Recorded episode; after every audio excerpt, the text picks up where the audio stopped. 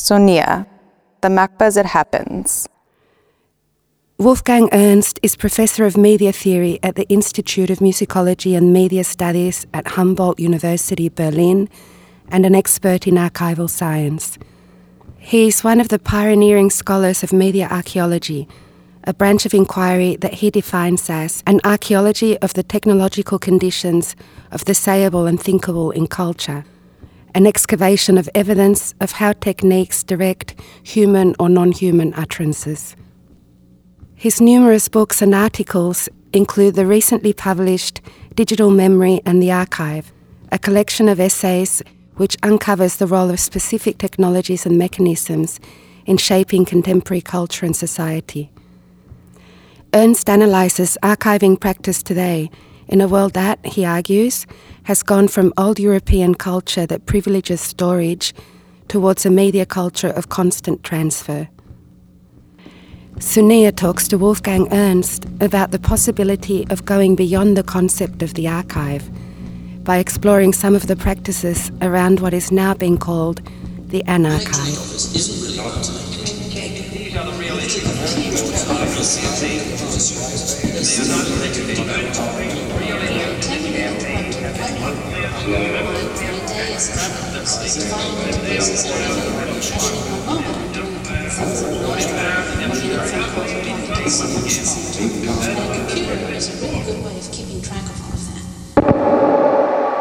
The archive, past and present.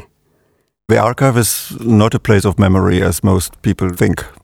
It has become associated with a cultural memory place, but the origin of the archive since 2000 years in Greek times and Roman times was more the depository of documents which are needed for state administration. So they are strictly related to the present power administration. The heads of state in Athens, the archontes, they had their depository for relevant documents, uh, which they they kept in their house, the archaion. And so the archive was more, most of the time, for centuries, more a, place of legal documentation to to keep legal documents uh, owned by the state and it is only recently, in the last hundred years and more recently, uh, with interested in cultural studies, that uh, the archive becomes more associated with a place of historical research and of cultural memory. It became a reality when some of the states in around 1800, after the French Revolution, broke down. For example, uh, coming from Germany, I remember having done research in the Prussian State Archive. When Prussia was dissolved after the Second World War, suddenly the State Archive of Prussia became an historical archive. Then historians could enter. Normally, when an archive is still in use of power, uh, people from outside are normally not allowed to enter the archive. The moment that it is open, that shows it has lost its administrative power and it becomes a place of memory the specificities of the archive? Well, the power relation is what differentiates the archive, for example, from the library and from the museum, for example. The, the library is meant to be open. Actually, libraries are happy when there are a lot of users to come, and the same is true for museums. They, they, these are collections, but an archive is not a collection. The, the first power of the archivist is to decide which records have to be man- maintained and which can be destroyed. Most of the papers, documents, nowadays more data coming from administration, arriving at the archive, there would be too much. The archivists have the, the power to decide what to destroy. And uh, what I know from the archivistic practice is that up to 90% of the documents are being excluded because they are useless. They are not worth to be kept for legal or other reasons. So, this is first of all the power of the archive to decide what can be destroyed. It's not first of all about memory keeping, but about having a justified decision of what can be destroyed. Otherwise, uh, our culture would be buried and administration would be buried by documents and data. The, the free choice is something a library has, unless it's the National Library or other libraries. They are free to decide which books they acquire for the or the museums. And they have their own criteria, and they are changing criteria of the collecting policy. This is different from the archive, where the archive is part of an administration where a rule governed system decides which documents are being offered to the archive. Access to archives if the state breaks down, like in the German case in 1990, suddenly the whole archive is preserved. And there was a big debate, political debate, uh, whether the some documents and uh, the political documents, the surveillance documents of the secret agency, should be destroyed because this was such a, a poisoned memory. And above all, since we live now in the media age, uh, there was a question whether to, to destroy the magnetic tapes were, were the electronic data, which more and more become the stuff of the archives, should simply be uh, destroyed. Well, it was a political decision to keep it not destroyed, and uh, people could do research. Only some names were uh, blocked, blackened. I remember from doing research in the, in the archive of the former GDR, and names were crossed out in black, but otherwise I could read the documents. It's of course a problem if the, the documents refer to people which are still alive. That created uh, a very lively debate over this broken state, which became the model for Poland as well. They have uh, founded a similar decision to open those archives, even of the secret agency to secure the names, some of the names, uh, but otherwise to have it open. This uh, is a new situation. Suddenly, the archive is not separated from the present anymore, just a historical memory, but it becomes contemporary. This is a rare moment which only can happen when a state breaks down. Otherwise, in the normal case, like in Spain or the US, um, there are a lot of documents in the archive which remain classified, how it is termed. Uh, then you are not allowed to, to access it.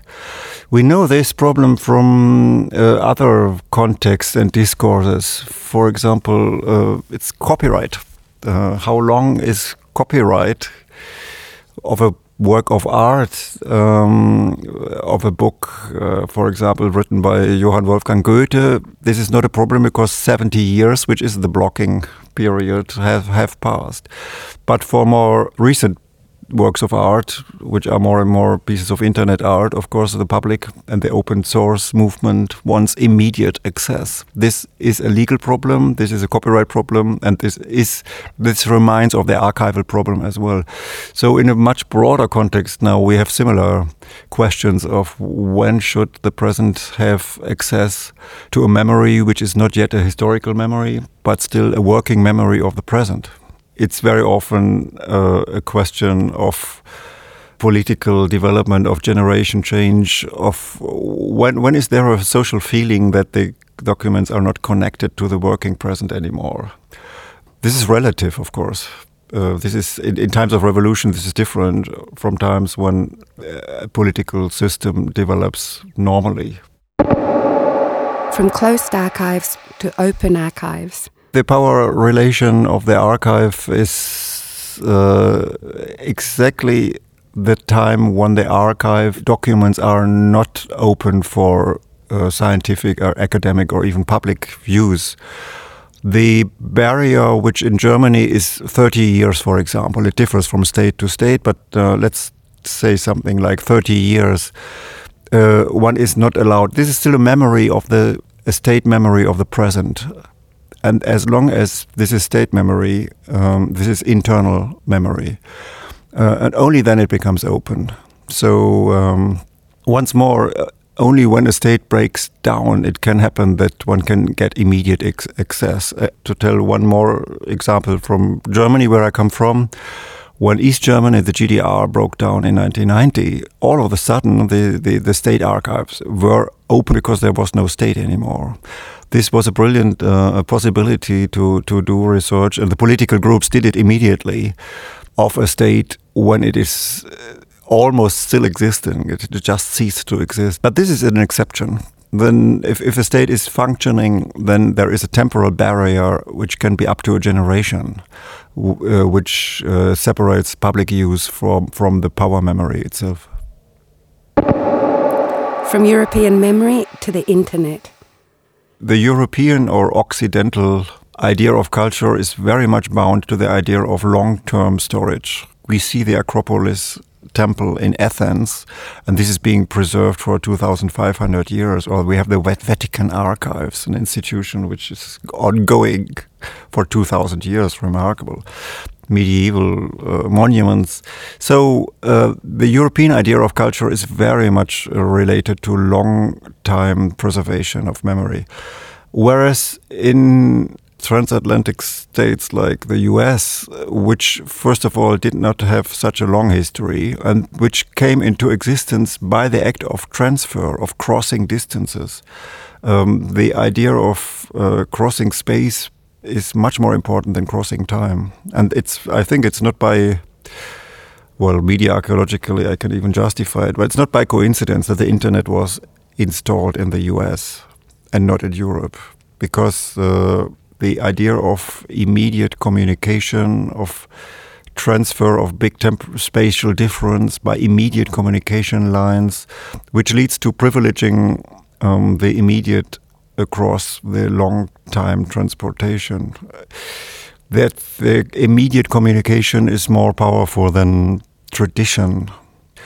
Uh, that separates uh, roughly, I think, the transatlantic culture from old European or Occidental culture. Although Europe now speeds up, whether is it good or bad is another question because uh, Europe adopts more, more and more because it's internet collected now adopts more and more to the immediate consumption of uh, memory data, which everybody uses in his everyday use of when we are online we can access to memory banks data banks archives if they are online immediately with the speed of electricity. This is remarkable. This is the opposite of what it once meant to go and visit an archive.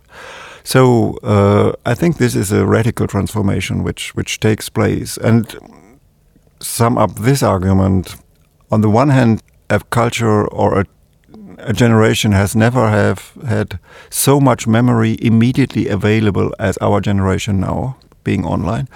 But uh, I think most of us are aware that the price for this is a risk because we know this memory will not last. The internet will not last like the Vatican archive for 2000 years for hardware and software and other reasons. And I think the present generation even knows it and consciously prefers to have immediate access on a vast amount of data than to take care about long-term preservation. This was different in times before, but now the, the economy of the presence of immediate access is privileged compared to long-term secure memory.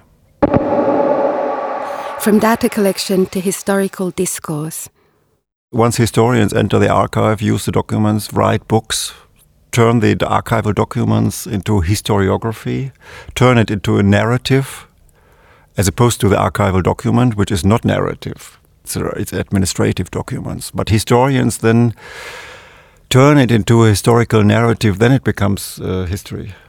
So there are several factors which uh, turn uh, the archive into history. I, I personally like to emphasize that the archival memory and the historical memory are really different. The archive is not just the basic level and then on which upon history is being written, but history is a different mode of uh, writing the past. The archive is a state of being of the past which differs from the narrative. It's more a data bank, actually. History is based on the idea of long time coherency, transformation, evolution, however you, you call it. Uh, but it has to develop across long time periods. That's the idea of history. With uh, immediate access to memory, like we have it online, we become much more nonlinear. Narrative is basically a, a linear dramatizing performance. It's uh, telling stories is basically linear the idea of development, of progress, whatever is attached to history. Um, whereas our use of data banks, of uh, data bank memory online in the internet, in the World Wide Web, is non-linear use. We jump from one data bank to another. We, we connect it in non-linear ways. This is much closer to information processing than to narrative. And since history depends on being told as story, that will be replaced by non-narrative different ways of representing the past or memory, however we, we call it. Alternatives to the linear discourse of history. There are a lot of literary and even academic experiments with this new nonlinear processing of uh, memory. Which will be dominant, I don't know. But I think history itself will lose its dominant uh, role as the primary model of how to remember the past. Philosophers like Gilles Deleuze or colleagues from media and cultural studies like Manuel de Landa, and they, they all experiment. They have a more uh, rhizomatic writing, uh, more a writing which itself is more like a net, you, you, a cartographic writing. It's uh, it's connecting points, um, which comes closer to the technical structure of information and even the books look like this. They might not even be published as books anymore, but you you, you jump in data banks. You have uh, hypertextual uh, connections of memory banks. So there's a lot of experiments going on. It will definitely be non non-linear, and to move between memory places in a non-linear way, uh, it's a different attitude to time, which we then have. Time is not coherent anymore time explodes it, or implodes into times, at least, into a plurality of temporal existences. And I think uh, in everyday culture, we, we get used to it. And even before the theoreticians turn it into a concept. Politics and institutional memory. The idea of the institutional uh, uh, requires a frame, a stable frame of reference. The archive itself is an institution, and uh, an institution to be justified as an institution needs uh, a stable memory. And so uh, then it becomes a political question once more. 20th century is full of uh, fantasies how to get rid of the institutions uh, this is a question of democracy, very difficult question. But um, all the avant-gardes, uh, either political or as, or the aesthetic avant-gardes, dreamt of getting rid of the institutions. I mean, we are sitting now in a museum. Just remember for how long artists have dreamt uh, and run against the museum. But uh, uh it's interesting to see how, as part of other practices which are non-museal, there needs there it's good to have at least a backbone, an institutional backbone. If we think of the political history of the 20th century, a lot of the crimes of the 20th century, uh, it would be very risky not to have some archives, memory places which are authorized, which we accept as authorized to keep those documents and memories. If, if that would be open to unarchival use, then suddenly the, the, the Holocaust negators uh, would play a role again. And uh, so we need, parallel to all this fantastic opening of archives and, and, and internet open access and, and mobility and networks and rhizome and whatever it is, uh, it's good to have parallel to that um, a, a, stable backbone, which uh, is authorized to keep memory in, in, in a way. It should just not be the only authority like it used to be. But it, we, we need a minimum of institutional memory. So no state, as long as it wants to exist as a state, could do without an archive. The two sides of recorded memory. It's it's like the voices of the dead we can hear since the invention of the Edison cylinder. Uh, it does uh, to the dog which listens to his master's voice, uh, like we know it from the famous logo, the image of the record industry. Uh, he cannot even make a difference between his master being alive or not anymore. So uh, with media, the, with the media archive, um, we take the risk that the question if the real reference is still existing or not might might become redundant. So it's uh, culturally now it's very positively connotated to rescue things, to archivize things, to document things, to to rescue it from vanishing, to to document it uh, to have digital uh, archaeology and however it is called, um, which is all fine. It, it's positively connotated. It does not need positive justification because it is positive because it's in the service of cultural memory. But this cultural memory uh, is very ambiguous because it, it allows that the real thing can perish and nobody even remarks it. So um, I'm, I'm a bit more ambiguous at least about those projects. The alternative construction of the Unarchive. The Unarchive, first of all, uh, shows that every archival order produces uh, necessarily its counter archive. It's uh, since the archive, as we mentioned in the beginning, is so much related to to power administration. Uh, like in politics, every power creates its own subversion like every weapon creates its anti-weapon immediately, and every intelligence creates counter-intelligence. That's what drives culture. So the unarchive uh, is uh, somehow, on the one hand, something like the, the, the, the hidden wish to subvert the archive, to subvert power. It's a very political idea. It's a it's a good old political idea to be subversive. On the other hand, since the unarchive is called, first of all, it's not anarchic, it's unarchivic. So, so it, it still preserves somehow the archive. It still even admires the archive. So um, it's not a complete replacement of the archive. So even in, in, in its negation, as an unarchive, the archive remains intact. But what I see in a lot of uses of the word unarchival, is a very unprecise idea of the archive. It's it's a loose idea that there are collections which are not coherent anymore, which are wilder. Uh, the unarchival is uh, like an umbrella term for all kinds of subversive collections, um, which I in many places would not call archival uh, at all. But once more, it's for some reasons the term archive has become the dominant metaphor for all kinds of memory. So there's almost no way to stop it now.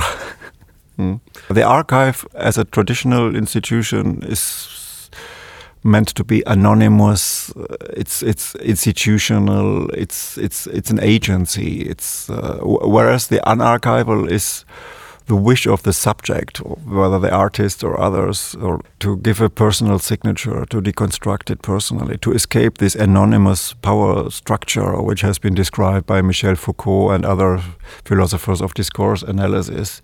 Because what is at stake is who is stronger? Is it the personal good old individual, or is the individual subject to anonymous structures, which are the archive? So the unarchival is is a self affirmation of the subjectivity of the human being wants to show that it's it can escape uh, or subvert the, those anonymous structures. So, but this is a, whether this is really true is another question. But it's it's a symptom that the old romantic idea of the strong individual, which can create its own memory version, is still intact. We are still romantic in that sense. Historical roots of the concept.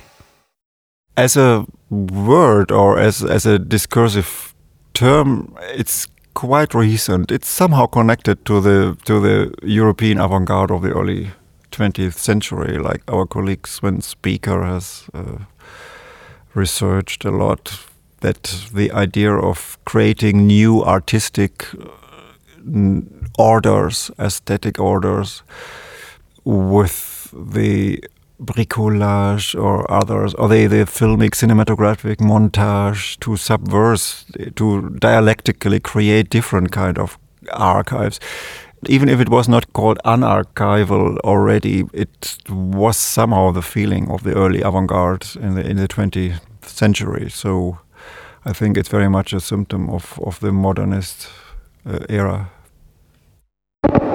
The Unarchive and its protocols.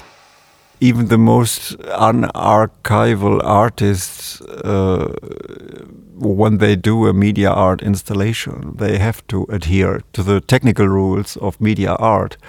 Uh, if you do something unarchival in the internet, uh, you still have to follow the, the internet protocols. You cannot really be unarchival. If you if you would really be unarchival if you go down to the internet protocols and change them. But if you do that, then you cannot communicate anymore. So in it, it's very much it, it's sometimes on the surface of the uh, things can be unarchival, but they have to adhere to the protocols and rules in order to be completely free from that, one had to invent uh, one's own new technology, but that's not easy. The use of the unarchive in artistic processes. There is a certain nostalgia of art to be able to escape from the conventions. But it's not easy to escape from the techno-mathematical uh, conventions. In order to do that, one really has to understand the techno-mathematical rules first. I, I, I, speak from my experience, which I had for some years at the uh, Academy of Media Art in Cologne different from the old classical art academies, there are now many forms of media art academies or media art places where the young artists, students, uh, fall into two groups. One group really learns programming, how to program a picture, which is not that easy. And the other group uses software and changes it use it, subversively. You, you can use, of course, all kind of Photoshop, uh, create marvelous subversive images by that. But you adhere to the rules of, of what the programmers of Photoshop offer you. You can only do what the grammar of, of Photoshop allows that can be very look very subversive, but it still affirms the rules of the Photoshop programmers. The other group learns to create their own Photoshop, uh, which is difficult, and then you have to learn a lot of mathematics and a bit of engineering. But then you master the technology, and maybe you can be then uh, artistic, uh, poetic uh, in the material sense. Um, that could be a possibility of really of how to be a bit more really unarchival in in art. Artists like uh, George Legrady, who comes to my mind, but there are others as well. But let's take George Legrady as part of others who really use special algorithms. They are the driving engines of our digital culture. They use special algorithms which are able to do similarity based image collections, which are new in our culture because normally we classified images into groups. Similarity based image sorting allows for matching images in a way which maybe was known to the Baroque or the Renaissance, uh, which is uh, not a very modernist idea. Uh, but which allows for discovering new affinities between images, which humans would not expect, uh, because we are still governed. We are we are very much still thinking in terms of classification of of groups of subgroups. Most museums are still divided into those groups, but those similarity based uh, image collections, uh, algorithms who can to who can order data in unexpected ways, which make sense logically, but which are new to our cultural perception. This uh, is a practice uh, which actually makes use of the, the dynamic tools which are offered by computing. Macba.cat